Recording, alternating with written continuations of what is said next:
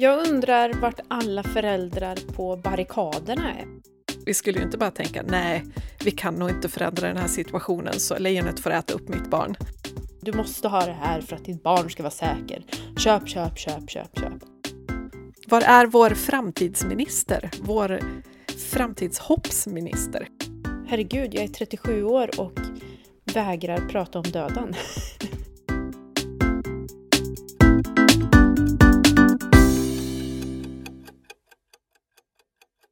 Jag tror jag vet varför det inte blir så mycket snö eftersom att den kanske, den kanske smälts bort eftersom att det blir varmare.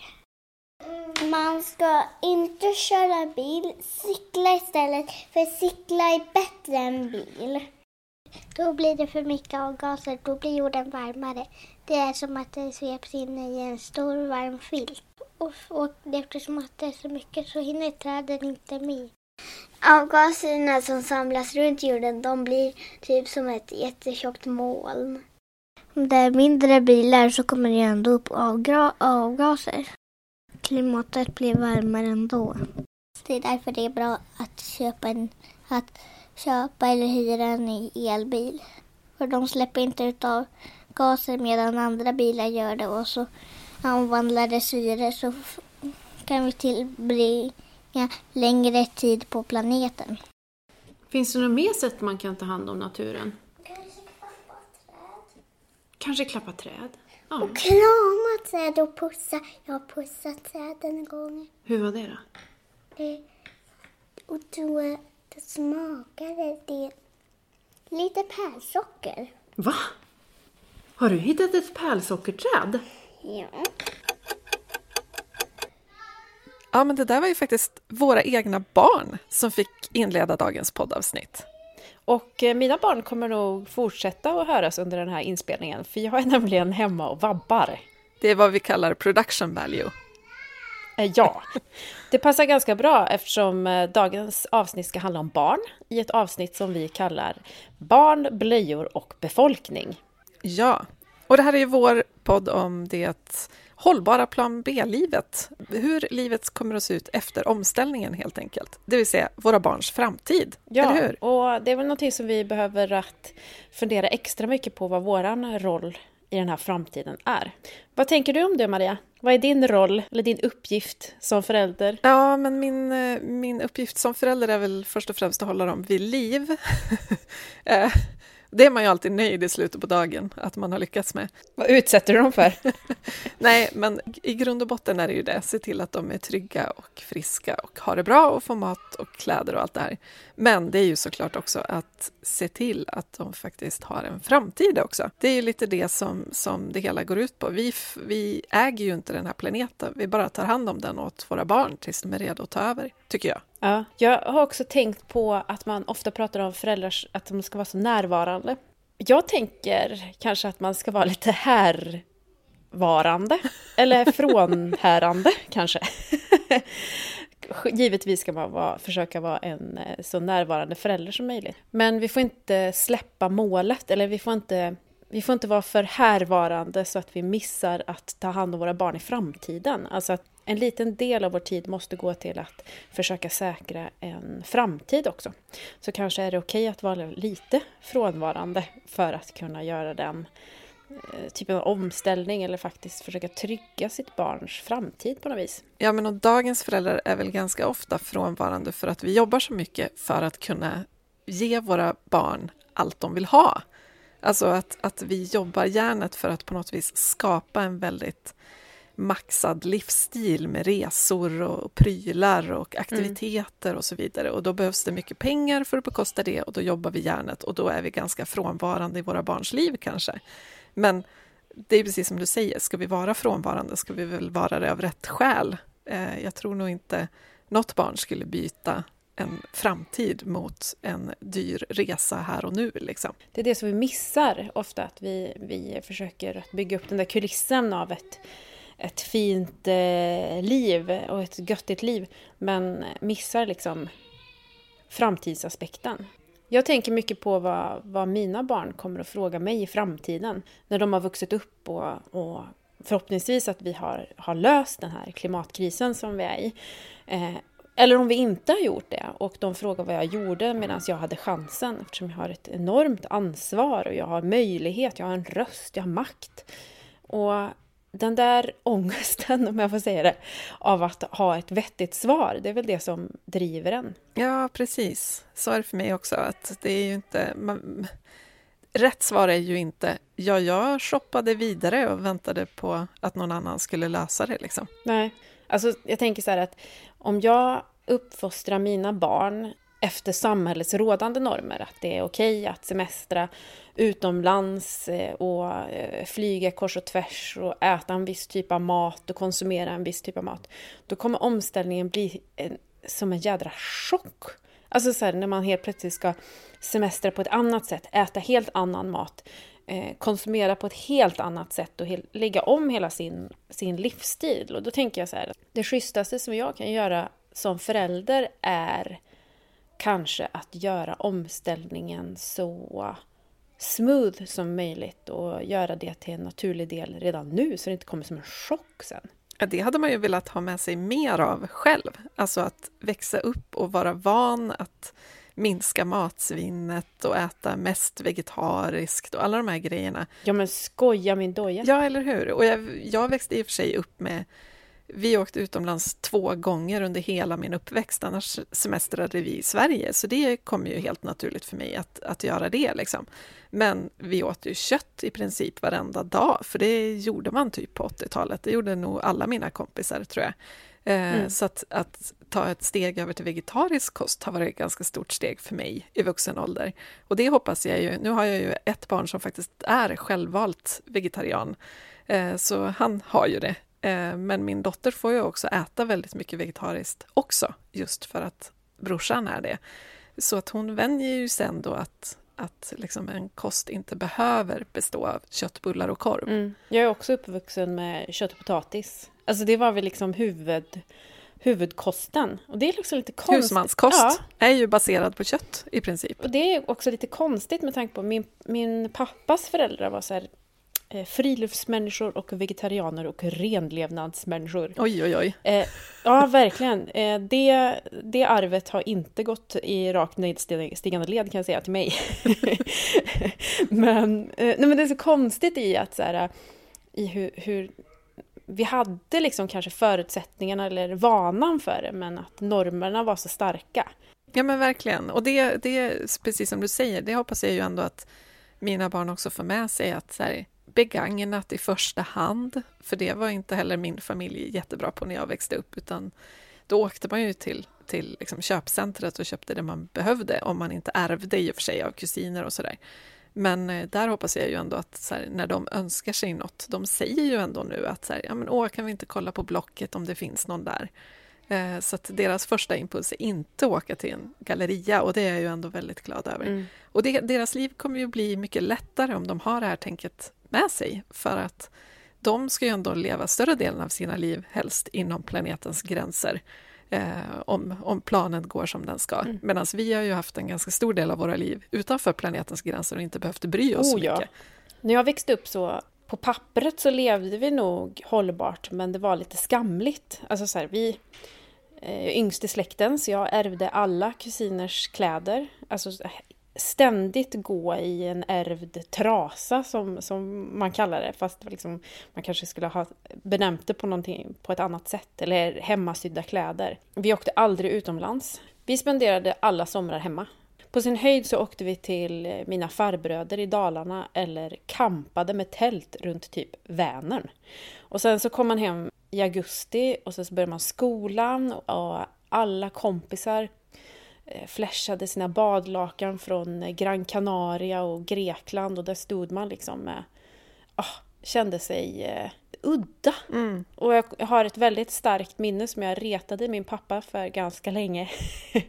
Efter sommarlovet så kom jag ihåg att eh, vi skulle göra en sån här liten bok om vårt sommarlov och så skulle vi rita en fin bild på framsidan som, som, som ringade in sommarlovet och alla ritade solstolar och stränder från andra sidan jordklotet. Och jag ritade våran Toyota Camry när den står på Ölandsbron där vi har fått motorstopp för att det var mitt starkaste minne och en av familjen var tvungen att kissa ut genom, genom ett eh, fönster för det liksom gick inte att komma ut. Men du vet, alltså det här är så starkt minne. Jag retade min pappa jättelänge så här för att det här var liksom min barndom. Medan alla andra såg världen. För att det var så... Man kände sig så udda medan det var ju ett rätt hållbart liv, men det var ett fel liv. Och jag hoppas att, att jag vill vända liksom världen rätt om att det kanske är liksom kanske inte motorstopp på Ölandsbron, men, men att, att allt ska vara okej okay på något vis. Att det är inte udda utan det är bara ett annat sätt att, att eh, resa eller leva. Ja, men och grejen är ju också, eftersom du tillbringade eh, de flesta somrar hemma, då blev ju ändå resan över Ölandsbron en grej, motorstopp och allt. Eh, ja! Medans, och jag åkte utomlands två gånger eh, när jag var 11 och när jag var 15. Det var de enda gångerna vi åkte utomlands som familj. Det är ju en poäng med att saker inte ska he ske hela, hela tiden. Att inte varenda lov ska tillbringas på någon slags charterresort, för då blir de liksom eh, då kommer man inte att kunna skilja på dem i minnena sen. Gör man det en gång, då blir det ett väldigt starkt och fint minne. Liksom. Men som nu i, i rådande pandemi när man eh, avråds från att resa eller göra onödiga resor, då känns ju allting exotiskt som är utanför sin närmsta liksom, två kilometers radie typ. En kram att, känns oerhört exotiskt. En kram känns exotiskt. Göteborg, alltså vilken jävla tropik! Alltså, jag, jag har aldrig längtat så mycket till Köpenhamn eller att ta tåget till, till Göteborg. Det känns, som, det känns så långt bort bara för att ens liv har liksom minskat ner på ett, på ett sätt som aldrig tidigare liksom, som man aldrig tidigare varit med om. Och då blir man ju också nöjd med väldigt mycket mindre. Att bara, bara liksom ha ett live-möte med någon just nu känns ju som världens största grej när det inte går att undvika sådana, så att man måste ses live för att man ska överräcka någonting eller så.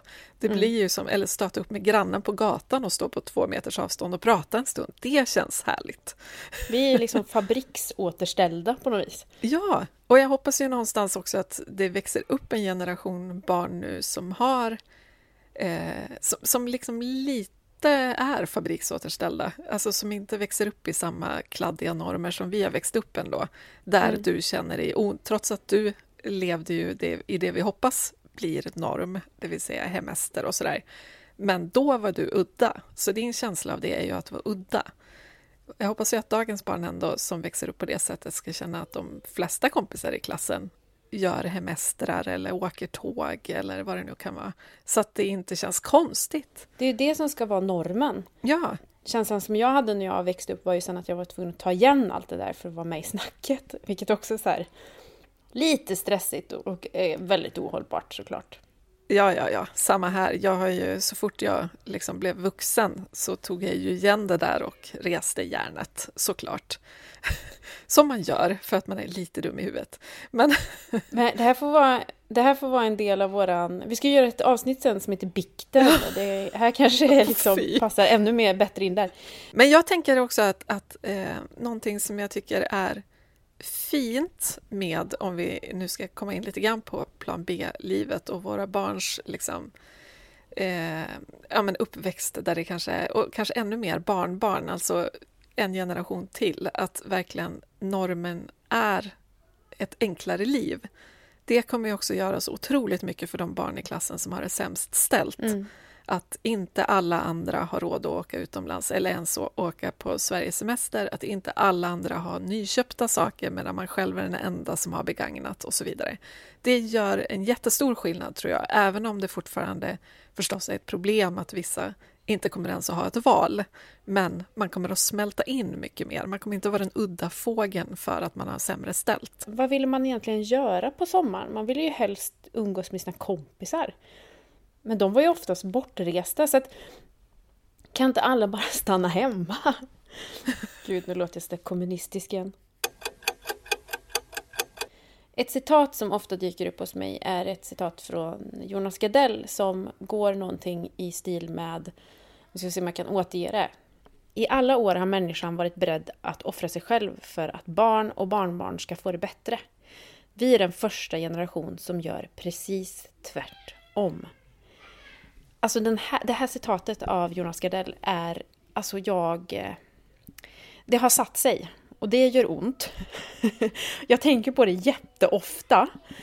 För att jag inser ju också att vi, vi bara brassar på i de här gamla ohållbara normerna och tänker att ja, men alla andra eller grannen eller kompisen gör ju så här så varför ska inte jag? Eller men måste väl få unna sig? Eller, alltså vi, det känns som att vi är bortskämda som, som skjuter, skjuter bort ansvaret från oss själva och vi håller på att fucka upp något för jävligt för framtida generationer, för våra barn och för andras barn.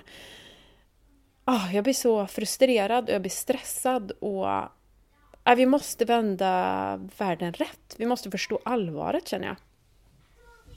Ja, men och det är väl det där som är FNs förra generalsekreterare som sa det där med att vi är den första generationen som kan utrota fattigdomen. Yay! Men vi är den sista generationen som kan stoppa klimatförändringarna.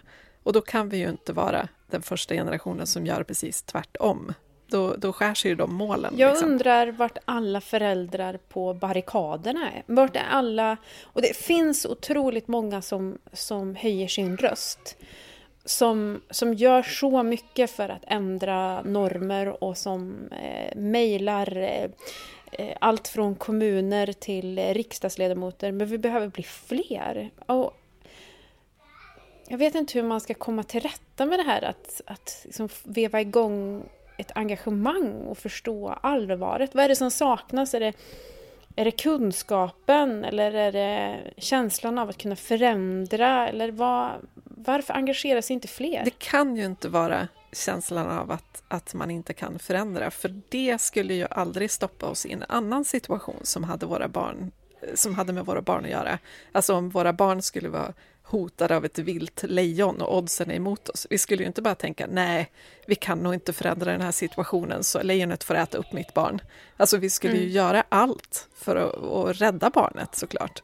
Så det måste ju handla om någon form av bristande insikt i vad det här faktiskt kommer att innebära om vi inte gör något. Och det är väl det man alltid säger om klimathotet, att problemet med klimathotet är att det är alldeles för abstrakt. Det är därför vi inte förstår hur vi ska hantera det. Att det är för långt bort och det är någonting som kommer att hända någon gång, någonstans och så vidare. Och så vidare. Och därför så agerar vi inte, för det, vi ser inte en, en gevärsmynning eller ett stup eller ett lejon. Eh, så att vi, vi förstår liksom inte vad vi ska slåss mot. Och problemet är väl också att det vi ska slåss mot är det vi gillar. Mm. alltså fossila bränslen och eh, shopping och allt det här. Har vi föräldrar, eller har vi, har vi för svårt att liksom släppa taget om vårt fossildoftande liv? Ja, jag tror verkligen det, för att det är alldeles för obekvämt att börja tänka på eh, att ja, men jag gillar mitt liv, men jag kanske inte kan få leva så här så mycket längre. Man strutsar, tror jag. Är vi dåliga på att eh, göda på reklamslingan för det hållbara livet? Vad, vad är vinningen? Vad, hur ska det se ut? Jag tänker så här, det snackas ganska lite om det. Det var ju därför vi startade den här podden, för att vi dels vill prata om utmaningar, men också så här, hur kan livet se ut efter omställningen? Vad, vad är gött? Vad är unnet? Ja, ja men och där tänker jag verkligen att politikerna har ett jätteansvar i att ge oss någon form av vision framåt. Eh, lite som man gjorde... Jag, jag, liksom, vi är ju för unga för att, för att minnas det, men eh, efterkrigstiden sägs ju ha varit en tid då alla kände att allt var möjligt, för mm. att kriget var slut och politikerna pratade också väldigt mycket om hur bra det kommer att bli nu. Mm. Och då blev det liksom en känsla av att allt är möjligt, gud vad fantastiskt och det var väldigt mycket framtidshopp i världen.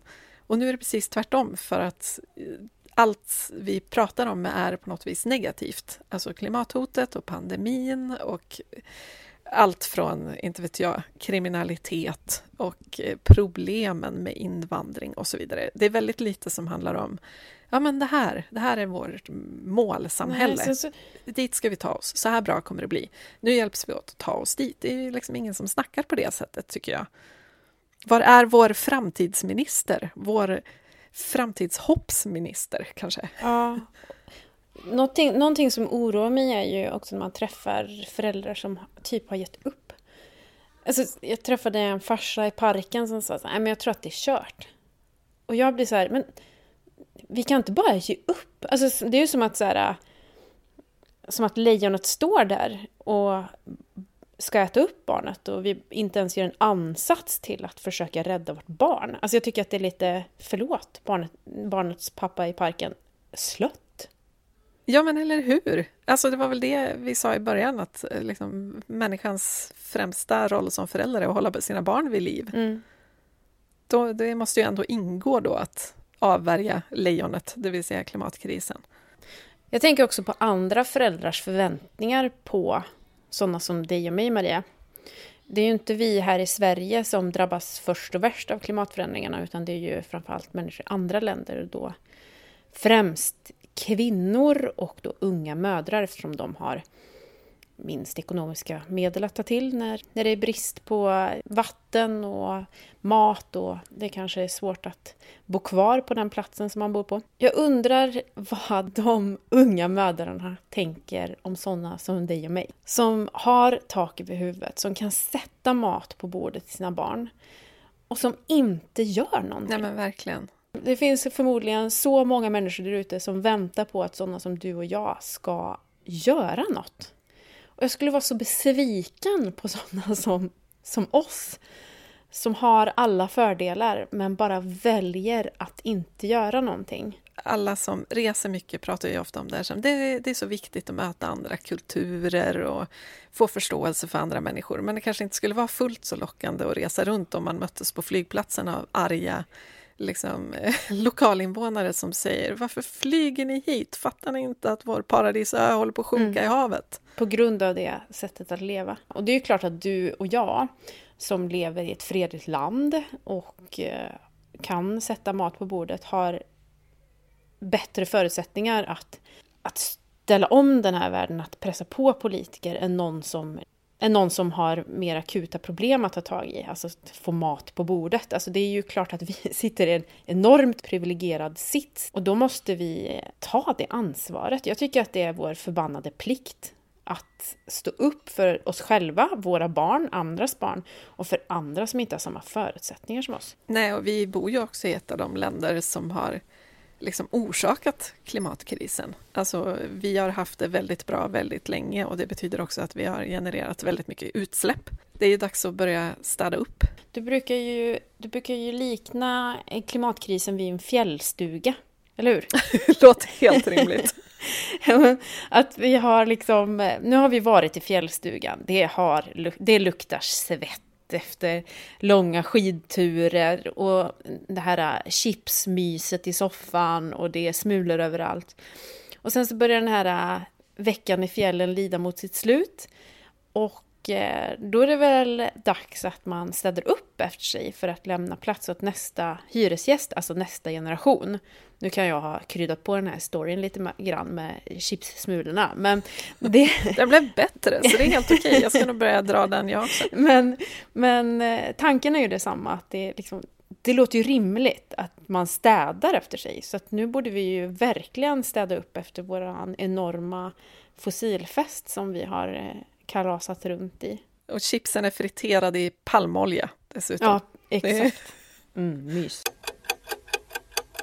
Om du inte hade barn idag, skulle du vilja sätta barn till världen då? I rådande läge? Um, ja, det skulle jag för att jag gillar barn. men, men eh, jag var på Almedalen för eh, ett par år sedan och hörde en forskare prata om just det här och sa med sin myndiga röst att om man vill sätta ett barn till världen så ska man ta en lång funderare på hur det livet kommer se ut i ett framtidsperspektiv. För det kommer bli... Äh, fan alltså, det kommer bli... Det kommer inte bli på samma sätt som man själv är uppväxt. Jag, det, här är, det här är jättedumt av mig, men jag väljer ofta att inte tänka på det. Att strutsa för liksom fram, olika framtidsscenarier. Och det är också en privilegierad sits vi har. Jag tycker inte att du strutsar på det sättet som du menar. Alltså jag förstår vad du menar, men du jobbar ju ändå med klimatfrågan och har ett enormt klimatengagemang och så vidare. Men jag förstår vad du menar i att strutsa kring att man inte riktigt törs tänka på vad som händer om vi inte löser det här. För det törs inte jag heller tänka på. Och det kan man ju faktiskt... Alltså, vi är... Du är strax under 40, jag är strax över 40. Det är inte som att vi själva kommer att kunna leva det liv vi har heller tills vi dör om inte vi vänder klimatkrisen. Det, jag menar, vi kanske lever i 50-60 år till. Vi kommer också märka mm. av det här. Och det törs man ju inte riktigt tänka på, så man strutsar ju lite för den tanken oavsett om det gäller ens barn eller en själv. Däremot så tänker jag att det kanske vore bra om lite fler människor insåg att det här kommer att drabba dem själva också och inte bara framtida generationer. Det kanske skulle bli lite mer action om man inser att pensionen inte blir så himla härlig om vi inte löser det här till exempel. Men jag tänker också att det här med att våra barn inte kommer att få det liv vi har fått. Vi är ju så privilegierade att vi kan tänka så medan väldigt många människor i väldigt många andra länder bildar familj trots att de har ett hårt liv själva också. Alltså att de kanske inte ser någon möjlighet att ge sina barn ett bättre liv än de själva har. Jag tycker att det är helt rimligt att vissa människor inte vill ha barn. Men jag tror att de som känner att de vill ha barn kommer nog att försöka bilda familj oavsett situation, oavsett om man befinner sig i ett land som är härjat av krig eller om i ett land som är härjat av svält eller vad som helst. Man kommer ändå att vilja ha en familj omkring sig. Ehm, så att jag tänker att det är inte konstigt att vi Nej. försöker få barn även om vi inte vet hur deras framtid ska bli. Mina barn ger ju mig förutom huvudbry och en jädra massa skratt också en vilja att förändra, att eh, ställa saker och ting till hitta. Men också eh, en jäkla massa idéer på hur, hur världen borde se ut. När mina barn inte kan cykla när de är fyra och fem år så vill ju jag förändra världen så att eh, det blir enklare att cykla. Att eh, man har mer grönområden där man kan gå ut när barnen faktiskt vill leka i skogen. Och då inser man så här, shit, det finns inga träd. Men då måste vi ändra på det. Vi måste ha mer grönområden. Och när de frågar så här, eller när mina barn viftar bort insekter som något äckligt, så bara så här, för att de är uppvuxna i, i, i, på en plats där det inte finns så mycket insekter. Så, så bara, fasen, vi måste göra det mer vi måste göra det mer normalt att, att vi lever liksom inkilade i naturen. För jag inser också så att hur vår värld idag ser ut. Att den liksom inte lirar med, med vad vi kanske behöver uppnå. Precis. Barn som är mer rädda för getingar än för bilavgaser har ju växt upp i en värld som inte är helt korrekt inställd. Liksom. Nej. Men det, för det jag tycker, jag, jag tänker någonstans att så här, nej, våra barn kommer inte att växa upp i samma värld som vi växte upp. Men å andra sidan har ju under vår livstid, än så länge, har ju världen förändrats sjukt mycket. Bara en sån sak som internet. Det kunde ju inte våra föräldrar föreställa sig att deras barn, det vill säga vi, skulle få. Och jag tänker att framtiden har ju också säkert fantastiska innovationer som vi inte ens kan föreställa oss för att våra hjärnor klarar inte att tänka ut sådana magiska saker. Någonstans får man ju ändå ha en, ett hopp om att människans bra sidor kommer fortsätta leverera, alltså innovationskraften och visionärerna där ute som liksom uppfinner de mest fantastiska grejer. Och det här kommer våra barn att få ta del av också. Det är ju framförallt kanske det där att vi måste se till att de inte hela tiden kommer att behöva ta höjd för att klimatet ställer till det för dem. Det måste kunna gå att leva, det får inte vara för varmt, det får inte vara översvämningar hela tiden. För då kommer väl det att hämma den typen av fantastiska grejer som människor ändå kan fixa det är väl det som är huvudsaken. Sen kommer världen förändras, det gör den ju hela tiden. Det, det jag kan bli lite deppig över är, jag menar, så otroligt mycket hängs upp på Greta och Fridays for Future och sådär. Vad fan, hon ska väl inte behöva ägna sina tonår åt att försöka få människor i vuxen ålder att skärpa till sig så hon ska ha en framtid. Hon ska väl få vara barn? Herregud, alltså, ja. Du vet, ha tonårsfyllor och hångla och liksom försova sig och slarva bort viktiga papper och du vet, den typen av grejer. Ja, jag tycker hon är väldigt mycket av en hjälte för allt hon har uträttat, men jag tycker det är helt sjukt att hon behövde göra det. Mm. Jag tycker ju någonstans att tonåringar ska inte behöva slåss för något. Eh, de kan ju såklart göra det om de vill, alltså vara väldigt passionerade kring djurrätt eller någonting, eller feminism. Det är väl fantastiskt. Men att behöva slåss för sin egen framtid, kom igen! Mm. Våra barns klimat som är en, en eh, förening som, som just samlar föräldrar eh, kring att göra politisk förändring. De gjorde precis nyss en undersökning med barn i åldern 12 till 18 år. 60 procent av barnen, alltså tonåringarna, är ganska eller mycket oroliga för vad som kommer att hända med klimatet och bara hälften tror att vi kommer att lösa klimatkrisen. Va, vad är det för generation som växer upp med där varannat barn inte har någon framtidstro? Ja, det är fruktansvärt. Och minst hoppfulla är, surprise, surprise, flickor. Mm. För de oroar sig mest, precis som kvinnor i vuxen ålder oroar sig mer för klimatkrisen eh, än män. Och där tycker jag vi har ett enormt problem. Alltså även om vi löser klimatkrisen så har vi ändå satt dem i en situation där de liksom tillbringar sina tonår med att inte oroa sig över sin olyckliga kärlek eller att du vet, vara populär i klassen eller allt sånt här som är jobbigt med att vara tonåring ändå. Utan de måste oroa sig för någonting mycket, mycket, mycket större. Liksom. Alltså jag kan ju förstå folk som strutsar för klimatkrisen, för det här är så jädra jobbigt att ta in. Det här är så fruktansvärt att tänka på att ens barn kommer att må dåligt för att de inte har någon vettig framtid att se fram emot. Alltså jag förstår att folk strutsar, att det är enklare att tänka på um, en ny tröja eller att uh, uh, resa till ett annat land. Det är sju resor enklare att tänka på de sakerna än att, än att fundera på något jäkligt jobbigt som ska hända i framtiden för, det, för de personer som man älskar mest. Ja men verkligen. Alltså jag förstår det. Jag förstår det till hundra procent att folk inte engagerar sig för att det är jobbiga saker att tänka på. Herregud, jag är 37 år och vägrar prata om döden. för jag tycker att det är för läskigt. Alltså så här, jag, alltså, ja, jag kan bara hålla med. Samtidigt som så här, det är någonting inom mig som bara måste göra något. Det som också var deppigt med den här undersökningen var att var, var sjätte barn eh, i den här åldern som är oroliga har ingen att prata med om det. Och det tycker jag är så fruktansvärt att det liksom att barn går runt och oroar sig för sin framtid och inte känner att någon vuxen finns som kan ja, men, lugna eller förklara eller sådär. Och där känns det som att vi också har ett, förutom att liksom lösa klimatkrisen, att ställa om världen som ett vuxenansvar, inte ett Greta-ansvar, eh, så har vi också ett jätteansvar att faktiskt försöka fånga upp barn som är oroliga, så att de inte behöver gå runt och bära på det här själva, tänker jag. Eh, och det tänker jag att vi faktiskt ska prata med Frida Berry Eklund om. Hon är talesperson för Våra Barns Klimat och som har gjort den här undersökningen och hon har också skrivit en bok som precis har kommit ut som heter Prata med barn om klimatet. Ska vi lyssna på den eller? Ja. Hej Frida Berry Eklund! Hej, hej, hej! Du är ju talesperson för föreningen och nätverket Våra Barns Klimat. Vilka är ni? Ehm, ja, Våra Barns Klimat hette tidigare Föräldravrålet eh, och startade 2012 av ett gäng ehm, engagerade och lite arga småbarnsföräldrar.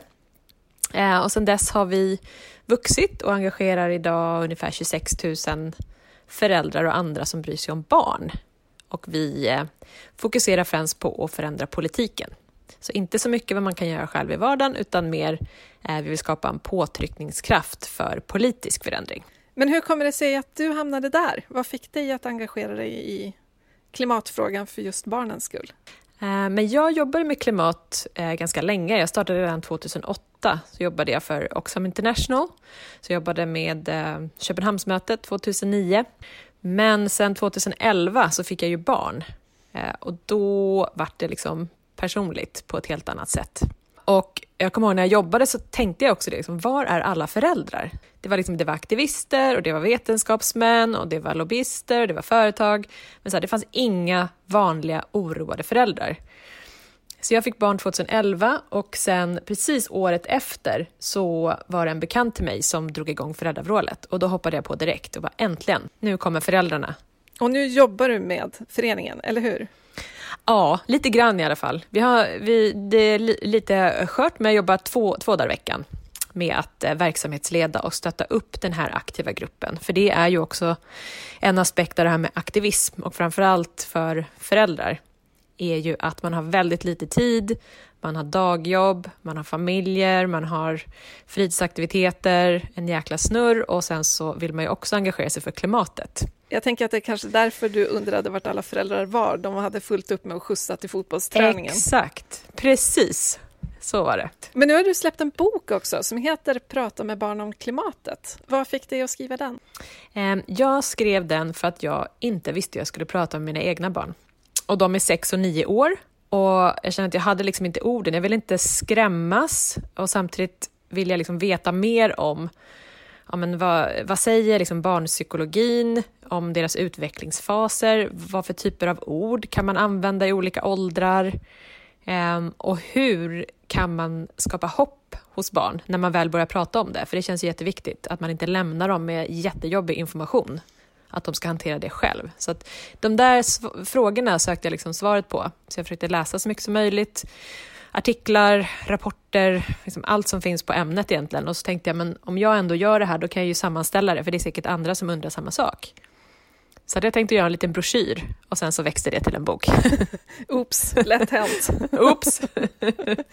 Exakt. Ja, men jag tänker att du och jag är nog inte de enda föräldrarna som tampas med det här dilemmat just nu, att liksom försöka lista ut hur vi ska prata med våra barn om det som händer utan att skrämma, men också utan att ljuga. Ja. Hur skulle du, om du skulle ge ett grundråd till alla föräldrar, vad skulle det vara? Att berätta sanningen, fast på ett åldersanpassat sätt. Och um, det finns jättebra sätt att göra det på. Och som förälder har man ju också en fördel som till exempel skolan inte har och det är också att vi kan personanpassa. Så till exempel, det var ju skillnaden mellan mina barn, att jag har en dotter som är jättekänslig och jag kan inte prata med henne ens om knasigt väder. Det tycker hon är så otroligt obehagligt. För att säga att man är fem sex år, där de är i sin utveckling, är att de kan inte skilja på vad som händer långt borta och det som händer här. Så om jag nämner skogsbränder eh, i Australien så kan hon lika gärna tycka att det, att det är jätteläskigt för att vårt hus kommer brinna ner. Och då gäller det liksom att hitta sin modell för just sitt barn. Ja, precis. Ja. Och lite så enkla, att använda med yngre barn, så förstås så enkla koncept. Man kan prata om att jorden blir varmare och det är som att det är en filt runt jorden. Eh, och den filten bildas av olika gaser och var de kommer ifrån. Eh, och sen tycker jag det är ganska bra att beskriva liksom den globala upphettningen som feber, att jorden har feber. För det är ganska lätt för barn att relatera till. Ja, men hur mår du när du har 38 graders feber? Ja, men då mår man ju lite risigt. Så är det för jorden just nu. Just nu är det som att jorden har 38 graders feber ungefär. Och det måste vi liksom hjälpa jorden med. Så det går att förklara liksom, problemet och effekterna och lösningarna med ganska enkla koncept. Och sen kan man bygga på det när barnen blir äldre. Som min son då, till exempel 9, han är en utmärkt ålder, liksom vetgirig, det kan vara, liksom, klimatutmaning finns ju, det finns mycket spännande i det också, så här, om hur, hur, hur kor rapar och fiser och så bildas det metan som är en växthusgas. Och det finns ju många liksom, skojiga effekter av det också. Så man kan... Just fisarna hjälper ju till lite mm, för att hålla Fisarna det på. hjälper absolut till. Men till exempel för yngre skolbarn så är det ju, som till exempel då är ganska känsliga för det här med skuld och skam.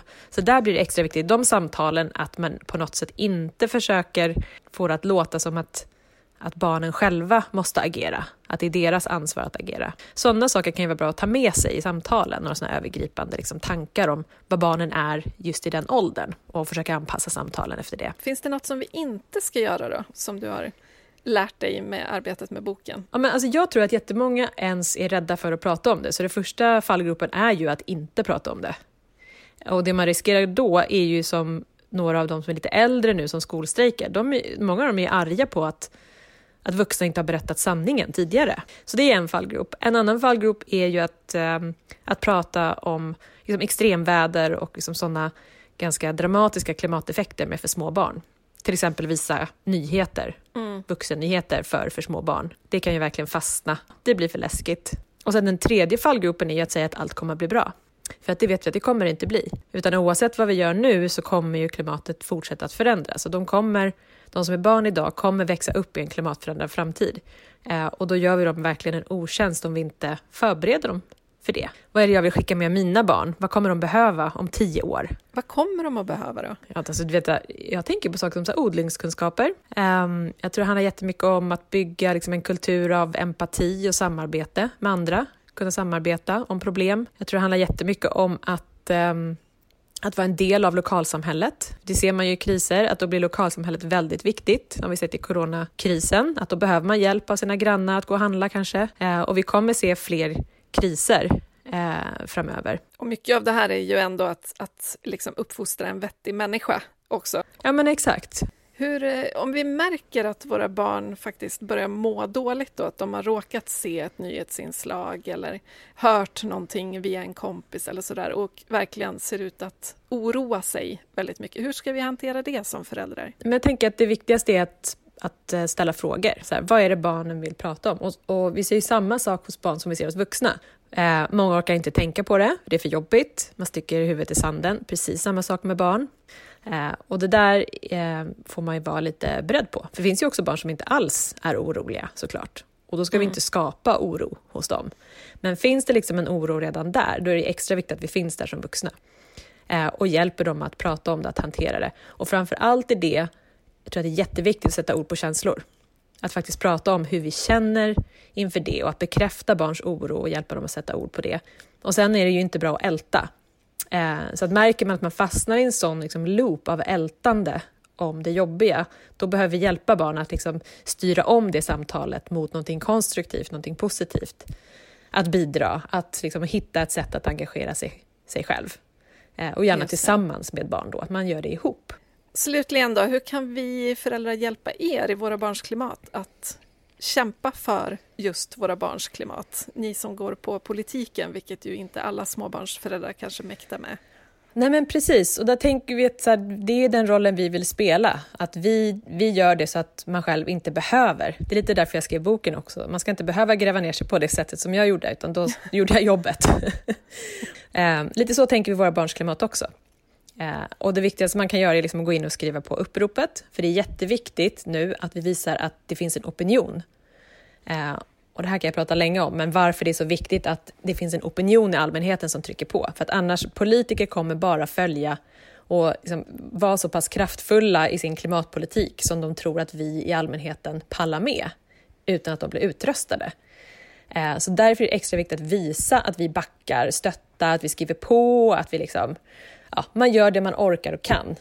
Eh, men det är viktigt att visa och signalera till andra att vi faktiskt eh, står bakom en politik som tar klimatmålen på allvar för våra barns skull. Och då går man in på er hemsida? Då går man in på hemsidan, varabarnsklimat.se och så skriver man på uppropet till att börja med och gillar också sociala medier. Och så delar man det till alla man känner? Jajamän!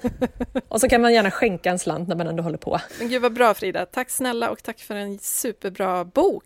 Ja men tack själv och tack för dina ord i inlagan. Jag, jag tänker, jag pratar ju mycket, nu är mina barn så små, men jag tänk, jag, de är ju ganska clueless än så länge. Men de, jag har ju valt att prata mer miljö med dem än klimat. Ja, men jag tycker också tänk, det är lättare, för det blir mer konkret. Alltså att säga, ser du avgaserna från den där bilen, det där trädet måste suga upp de avgaserna. Och mm. förr eller senare blir trädet fullt. Liksom. Eh, att göra det väldigt här och nu och titta ett skräp på marken. Vi plockar upp det så är det ingen fågel som sväljer det eller någonting sånt. Det, jag tycker också det är lättare att prata natur och miljö än klimat. Men det hänger ju ihop, så det är väl en bra in, inkörsport för småbarn, tänker jag. Det blir så konkreta för dem att se humlan eller biet surra runt på sommaren och då kan man, då kan man berätta att vi är beroende av de här små vaktmästarna för en tredjedel av vår mat genom deras, eh, att de pollinerar. Eh, kommer man in direkt på blommor och bin, vilket de är lite för, för unga för. Men vänta med det snacket. Nej, men... Eh, men är väl också en inneboende också, en, en fransman i, i ert liv? Ja, Ja, vi har en fransman inneboende hos oss som heter Monsieur Miljö som jag i panik hittade på. Eh, för att jag tyckte det var så, det var så svårt att prata om olika saker och man blev så himla så här, nej gör inte så och förbud och ah, jag gillar inte förbud, det var så tråkigt och man jag behövde en högre makt. Någon som, med, med auktoritet som jag saknade. Eh, jag körde länge med att regeringen säger att man inte får slänga mat och de bara, vilka regeringen? Och då blev det lite invecklat så att jag sa, då hittade jag på Mission Miljö som har mycket auktoritet och som inte tycker om avgaser, tycker inte om när man skräpar ner. Och äh, man vill inte heller att Monsieur Miljö ska, ska bli besviken på en. Så att Monsieur Miljö har en, en tydlig, tydlig roll i, i vårt hem och som ofta kommer på tal och barnen bara köper det. De säger numera själva så här Nej Bodil, gör inte sådär. Det tycker inte Monsieur Miljö om. Kanske ska fråga mina barn vem Monsieur Miljö är sen i en liten intervju så vi får höra. Hur tror ni Monsieur Miljö ser ut? Han har nog en blå keps. Eller en röd. Kanske blå jacka. Ja, kanske det. svart eller blå. Eller kanske han har svarta knappar på sin jacka. Mm, det kanske han har. Mm. Jag vill göra så som, som gör och tycker om. För han är jättesnäll och trevlig. Och vad bra. Vad brukar du göra då för att Monsieur Miljö ska bli glad? Inte slänga mat eller skräp i naturen. Brukar du äta upp? Mm. Jag brukar äta upp med lite yoghurt. Eh, nej men det är väldigt, eh, det, jag kan rekommendera alla att eh, bjuda in eh, ytterligare en hittepåperson till sitt, eh, till sitt vardagsliv. För det är väldigt skönt att skylla på någon när man känner själv att man bara säger nej, nej hela tiden. Ehm, ja, mycket bra. Miljö. Jag, jag ja. känner lite att tåget har gått på, på hittepå personer, jag som snart har åttaåringar. Och jag är lite ledsen över att jag inte fick tips om Monsieur Miljö i tid. Det borde ingå i föräldrautbildningen på MVC eller någonting. Ja. Jag har ju också en, en alltså, det är ju väldigt tacksamt att kunna få hitta på och liksom skapa sin egen värld när man har just små barn. Och där eh, kommer en bikt nu och det är att mina barn inte vet att det finns leksaksaffärer. Alltså det här är så hemskt. De vet inte att det finns, de vet inte om att det finns nyproduktionsaffärer. Vi har bara presenterat loppisar för dem och second hand-butiker och totalt bara duckat. Jag vet inte hur det här kommer att eh, gå. Det kommer att bli ett snack när de en dag kommer hem från skolan och bara Mamma, jag har hört att det finns något som heter Toys R Us. It's a world outside.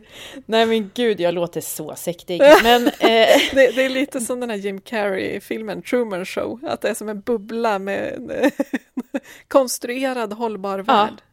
Jag gillar ju den filmen, surprise surprise. Ja, ja, det gör jag med. Mamma, vad gjorde du när, när vi var små och du kunde förhindra ett klimatkris? Jo, jag bestämde att det inte finns leksaksaffärer. Ja. ja, men det är också så här, sätter saker i perspektiv när de vill ha någonting. Så säger så här, men, ja, men vi ska hålla utkik efter det på loppis. Som, som liksom ett stort projekt snarare än att det är någonting vi går och köper, eller fixar eller kirrar på, på någon sekund, utan det är en process. Ja, men och det tycker jag, för det kör jag också med, att min, min dotter önskar sig ett visst gosedjur just nu. Eh, och surprise, surprise, det är en Pokémon. och då har, vi, då har jag sagt att ja, men du kan få köpa det för dina veckopengar, men vi, när den dyker upp på Tradera eller Blocket och inom rimligt pris och vi hinner få den utan att någon annan köper och så vidare. Och nu har det ju gått några veckor utan att vi har lyckats med det här. Antingen har de skenat iväg i pris eller så har vi inte hittat rätt riktigt modell och sådär. Hon får ju öva sig på tålamod, även jag som får höra tjatet i örat. Men, men det är ju ändå en, en poäng med att inte klicka hem det samma kväll och så levereras det nästa morgon för att det var flygfrakt och utkörning med budbil. Utan att det faktiskt är någonting som man får längta lite efter och verkligen så här, den dag hon nu faktiskt lyckas hugga en på nätaktion så, så kommer den ju att kännas så mycket härligare, tänker jag. Alltså undrar om jag har budat över ditt barn. Förlåt. Oh, det finns ett visst Pokémon-intresse i den här familjen också. Ja, eller hur. Men det där tycker jag också är intressant, alltså det här med normer kring nyköp. För det är ju inte bara barnen och leksaker och sånt, utan det är ju minst lika mycket småbarnsföräldrarna. Alltså det här att bli förälder för första gången och matas överallt med listor på allt man borde skaffa hem innan barnet föds. Och det är ju inte gå på loppis, bytesgrupper och så vidare, utan det är ju en lista på det här behöver du, blöjhink och annat som man faktiskt inte alls behöver. Eh, och sen ofta köplänkar till nyproducerade ställen. Ja, och sen så att man ska unna sitt barn nyproduktion. Alltså så att man vill att ens eh, nyfödda lilla älskling ska ha någonting som ingen annan har haft, att det är någon renlighet i det. Fast det mest renliga är ju att, att köpa någonting begagnat som, där kemikalierna är uttvättade sedan länge eller att det har använts av ett barn så klimatavtrycket för ens då nyfödda lilla älskling ska bli så litet som möjligt. Alltså när jag själv fick barn så var jag sånt otroligt lätt byte för att man, man försöker fixa allting, man vill såklart att ens barn ska ha det bästa och det finns så otroligt mycket, många så konsumtionsritualer kring just eh, barn. För att inte tala om säkerhetsaspekten som så här, ja men du måste ha det här för att ditt barn ska vara säker. Köp, köp, köp, köp, köp. Och så helt plötsligt hamnar man i en bubbla där man försöker trygga sitt barn så jädra mycket genom nykonsumtion att man helt missar liksom perspektivet att så här, ja, den här konsumtionen kanske inte är så bra för att trygga mitt barn i framtiden. Nej men verkligen, men, det är ju sån klimatvurpa, verkligen. Ja, och det leder oss in på det här avsnittets sponsor, Hyber. Och jag har snackat med Olivia på Hyber, så jag tänkte att vi skulle lyssna på det nu. Hej Olivia från Hyber! Hej! Vi är, hej! Vi är ju stora fans av er och nu vill vi ju såklart att alla ska få veta vad är Hyber för någonting? Kul att höra! Eh, jo men Hyber är en hyrtjänst för barnprodukter kort och gott. Eh, och nu har vi även gravidprodukter eh, har vi utökat till. Så att eh, vad vi gör är att vi hyr ut alla typer av produkter som passar barn och, och mm, bebisar och eh, även du som gravid eh, som man kan alltså, bara använda en väldigt kort tidsperiod men som egentligen håller väldigt länge. Så att alla de produkterna hyr vi ut på ett väldigt enkelt eh, och praktiskt sätt. Gud vad smart! Just eh, gravidprodukter använder man ju ett extremt kort tid. Ja, man gör ju det och samtidigt vill man ju väldigt gärna under den perioden vara bekväm och ha rätt grejer. Så det tycker vi att alla ska få göra. Förutom gravidkläder, vilken typ av kläder hyr ni ut? För det mesta är det ytterkläder, så det är, eh, eftersom de är så himla hållbara och är producerade av väldigt hög kvalitet, egentligen ofta bättre än eh, de grejerna som är producerade för vuxna, så är det mycket ytterkläder, skor, eh, vi har även eh, mysplagg och mer bekväma plagg. Eh, och sen så har vi väldigt mycket babyprodukter, eh, så, eh, allt från eh, en barnvagn till babysitter eller en rese säng. Ja, vi har en hel del att välja mellan helt enkelt. I vilka storlekar finns kläderna? Så det finns från det att, du, eh, att bebisen är nyfödd eh, kan du hitta storlekar till det att eh, ungefär vid 12 års ålder skulle vi säga. Och det är väl också då man börjar bli lite petig med vad man eh, faktiskt har på sig eh, och vill vara med och bestämma själv. Eh, men så, så det är rätt många storlekar man kan växa med hyber. Vad är fördelarna med att hyra istället för att äga? Det finns många fördelar. Först och främst såklart, och det är ju vårt DNA, det är ju den hållbara aspekten på det. Eh, att förlänga livet på, på plagg och produkter är, är det mest effektiva sättet att dra ner på vår miljöpåverkan. Vi förlänger livet på de produkter som vi förvaltar. Eh, och Eh, sen finns det ju förstås många fördelar för, för er som medlemmar. Man sparar en hel del tid med att hitta rätt plagg och eh, man sparar pengar. Eh, vi har räknat ut att våra medlemmar hittills har sparat ungefär 2636 kronor var på, med hjälp av, av Hyber istället för att köpa nytt. Och, och så vill vi bara vara där för, som en hjälp i, i vardagen, att slippa tänka så mycket på nästa storlek och, och när, det, när det ska behövas och så. Eh, det ska vara enkelt helt enkelt. Så om barnet eh, råkar hoppa upp ett snäpp och ändra storlek så är det bara att skicka tillbaka och få ett nytt eller? Precis, då går du in på din profil på vår hemsida och så klickar du hem nästa storlek och då skickas den hem till dig och med tillsammans med en retursedel så att du lätt kan eh, lägga in dina använda kläder i samma påse och skicka den tillbaka. Eh, Gud vad smart! Ja, ja men det tycker vi. mm. Du, eh, hur mycket koldioxid kan man spara genom att hyra istället för att köpa nytt? Ja, vi har gjort en hel del beräkningar på det här och det beror helt på vilket paket du då signar upp på och hur många produkter och vad det är för plagg. Eh, men vi har räknat ut att i att vi tillsammans med alla medlemmar hittills har sparat över en miljon kilo eh, koldioxid. Så att det är uh. ju eh, väldigt roligt och ju fler vi blir desto mer sparar vi. Um, så det är bara att hoppa på tåget. Tack så hemskt mycket Olivia och tack för att ni sponsrar vår podd. Ja men tack, vi älskar det ni gör och eh, den kunskap ni sprider så att det vill vi hemskt gärna vara med och bidra med. Ja, men Emma, både du och jag har ju testat Hyber, eller hur? Ja, jag älskar Hyber. Dels att se sig själv som en användare snarare än en konsument.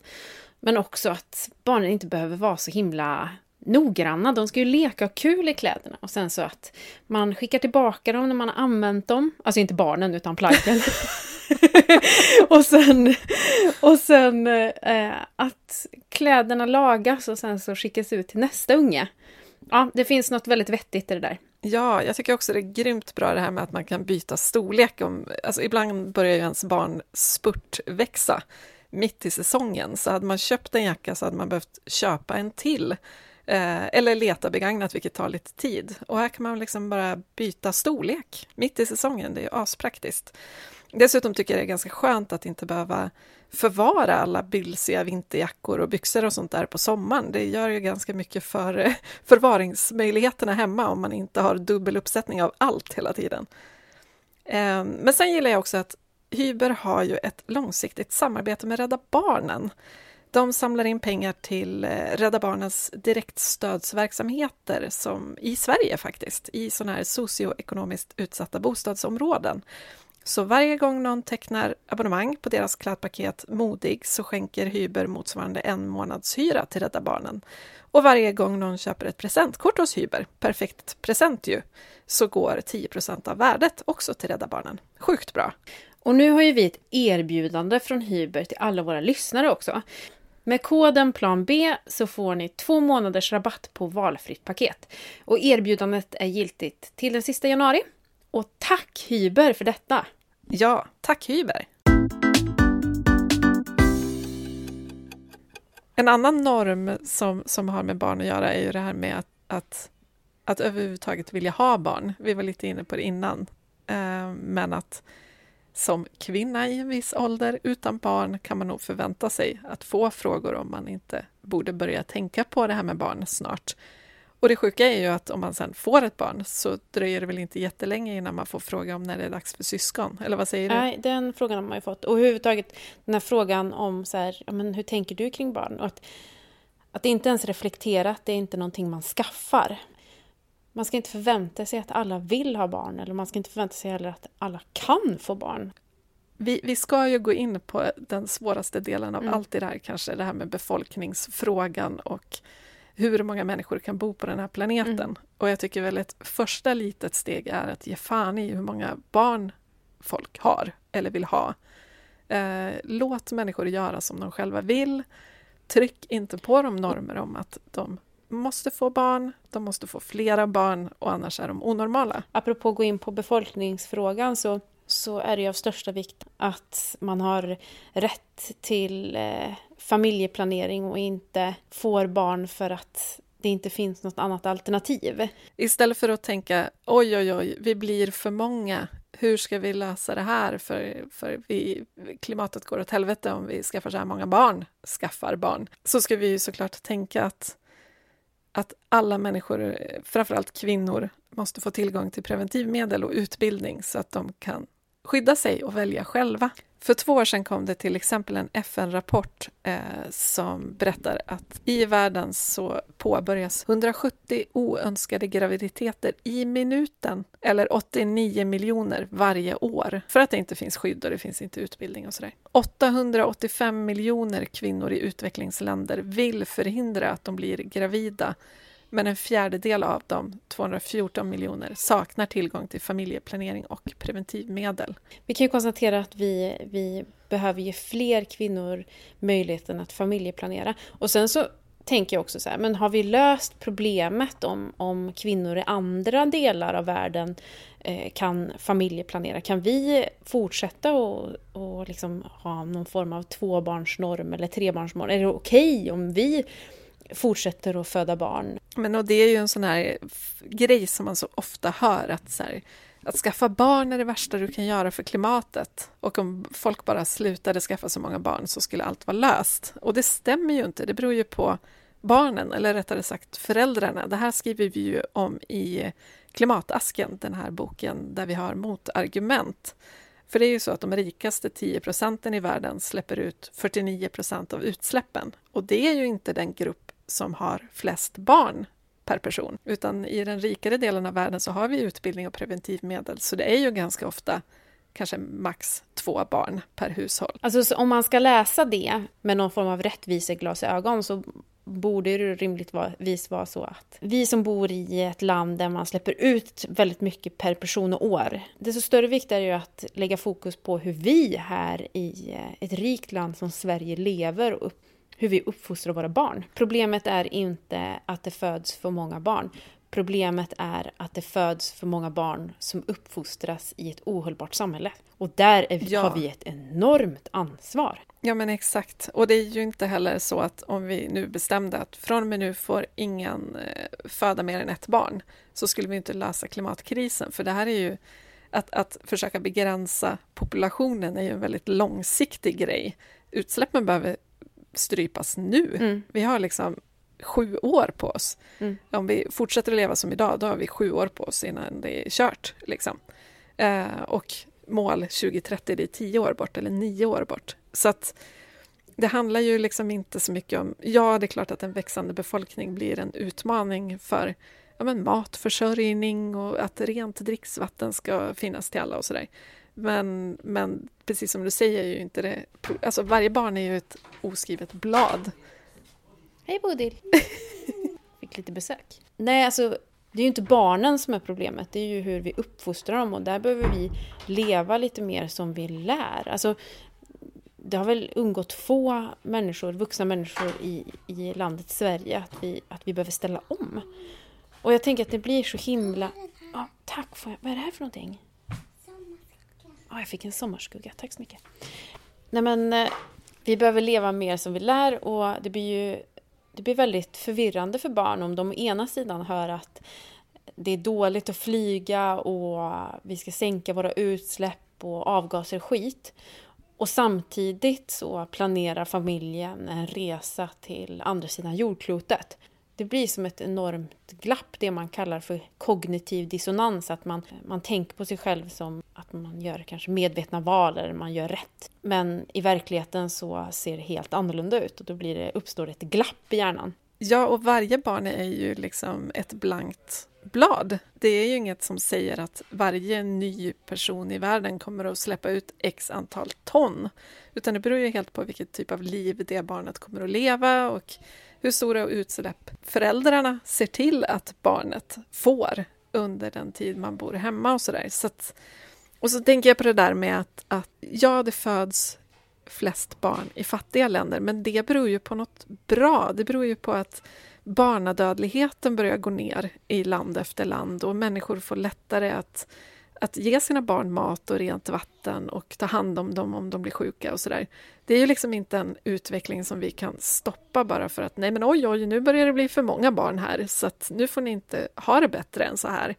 Det är ju snarare, jag tänker att det kommer att plana ut för att i takt med att varje land får det bättre så kommer också fler att få skolgång och lära sig om sina rättigheter och Eh, med det kommer ju preventivmedel och alla de här sakerna som vi tar för givet i Sverige. Mm. Och då kommer ju liksom familjestorleken att plana ut även i de länderna. Men sen, det som också kommer att hända då är ju att med hög, högre levnadsstandard så kommer de förmodligen att släppa ut mer.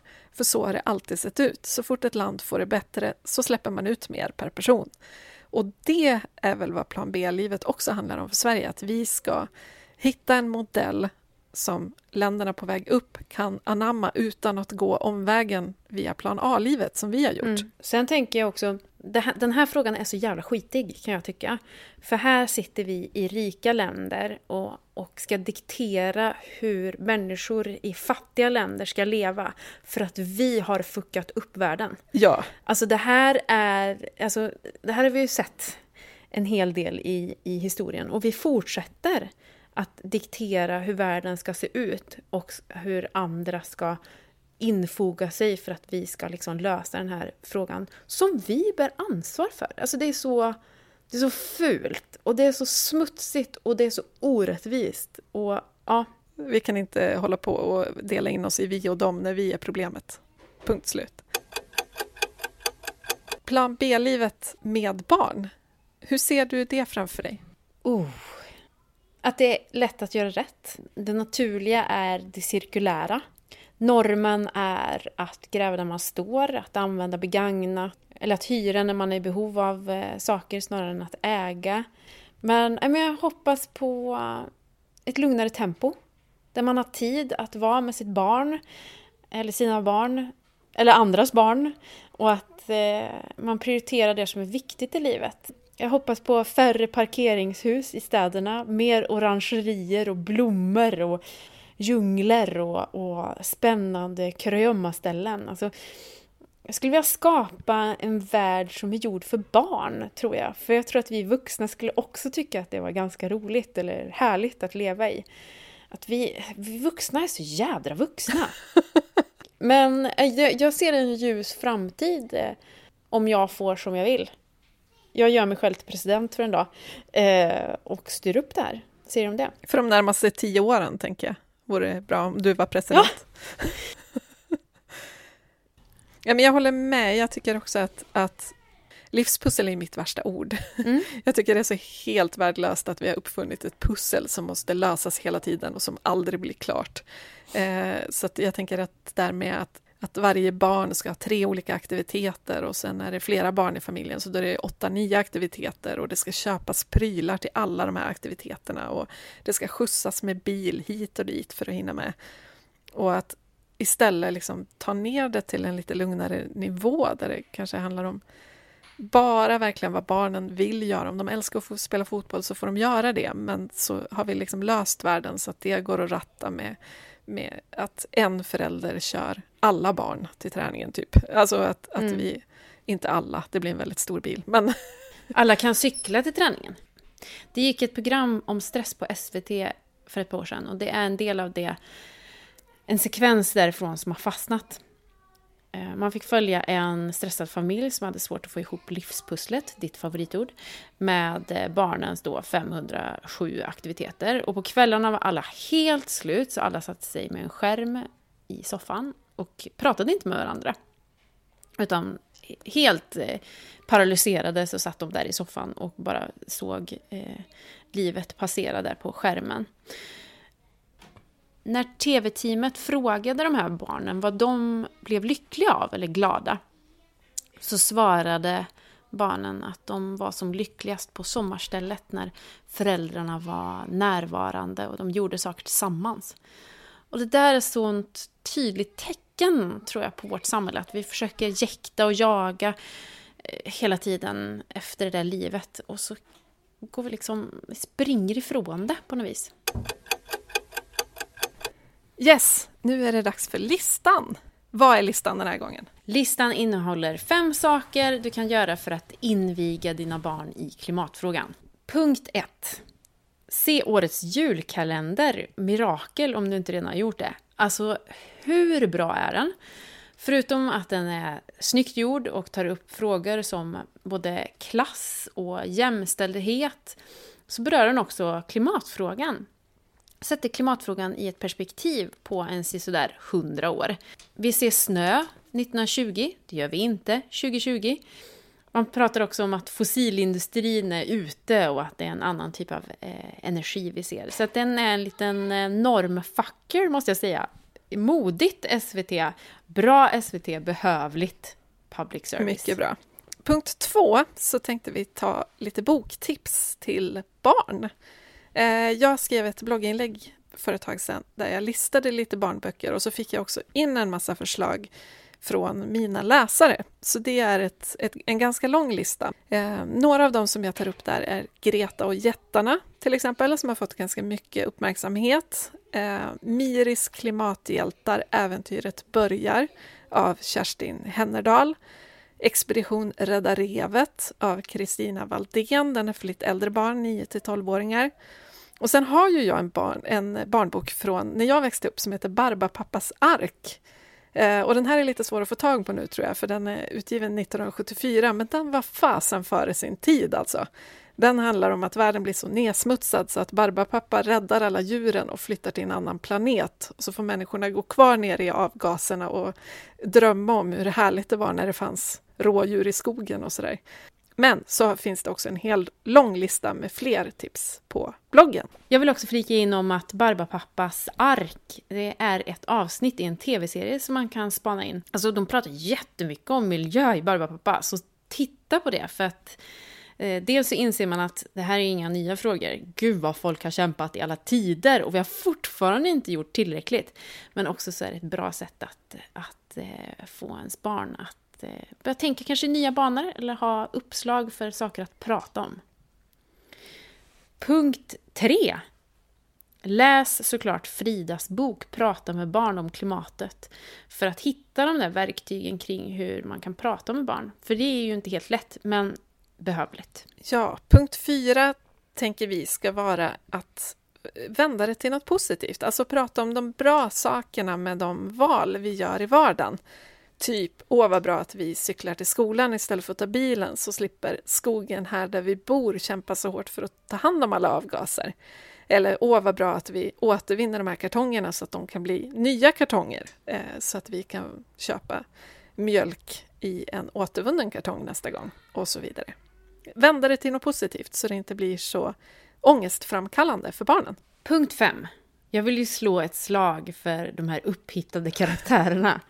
Jag har ju Monsieur Miljö, fri att kopiera. Det är väldigt skönt att ha någon att skylla på när man känner att man sätter upp så mycket regler eller säger nej, att nej, släng inte maten eller eh, och så vidare.